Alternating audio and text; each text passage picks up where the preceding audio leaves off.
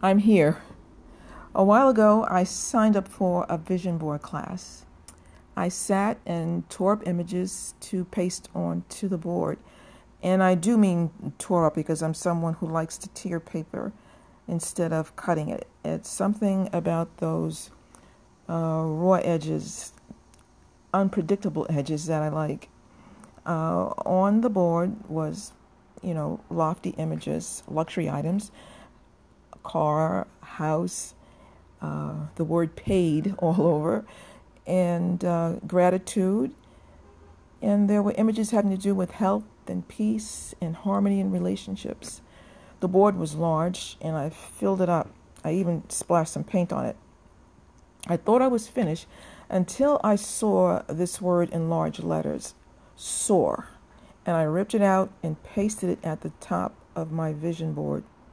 There, it looked like a title or a command.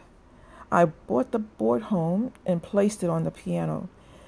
It was out in the open, naked for everyone to see, for me to see.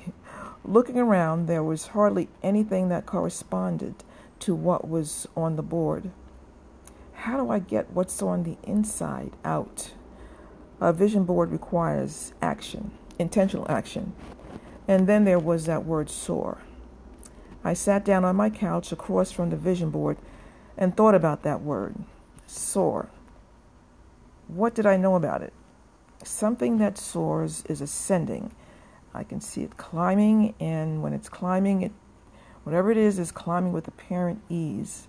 In the case of certain birds, um, you can't even see their wings moving sometimes when they soar. Soaring is not easy. But it looks that way because the thing that is soaring is doing what it is meant to do and in their own path, not colliding and fighting along the way, definitely in their own path. That's what I thought about soaring. It just looked like an easy, steady glide upward. One day, I didn't see my vision board. I looked all around and somehow my vision board had slid off the piano and went under the couch. And I left it there. I can't explain why. I could see it as I sat across from the couch, resting under the couch. Was I afraid of my own vision? Uh, was I afraid I, I didn't know how to get there? One thing for certain, unless you were a tsetse fly, you couldn't soar under the couch. I pulled the board out from under the couch, framed it. It is now hanging in my bedroom. First thing in the morning when I open my eyes, I see the word soar.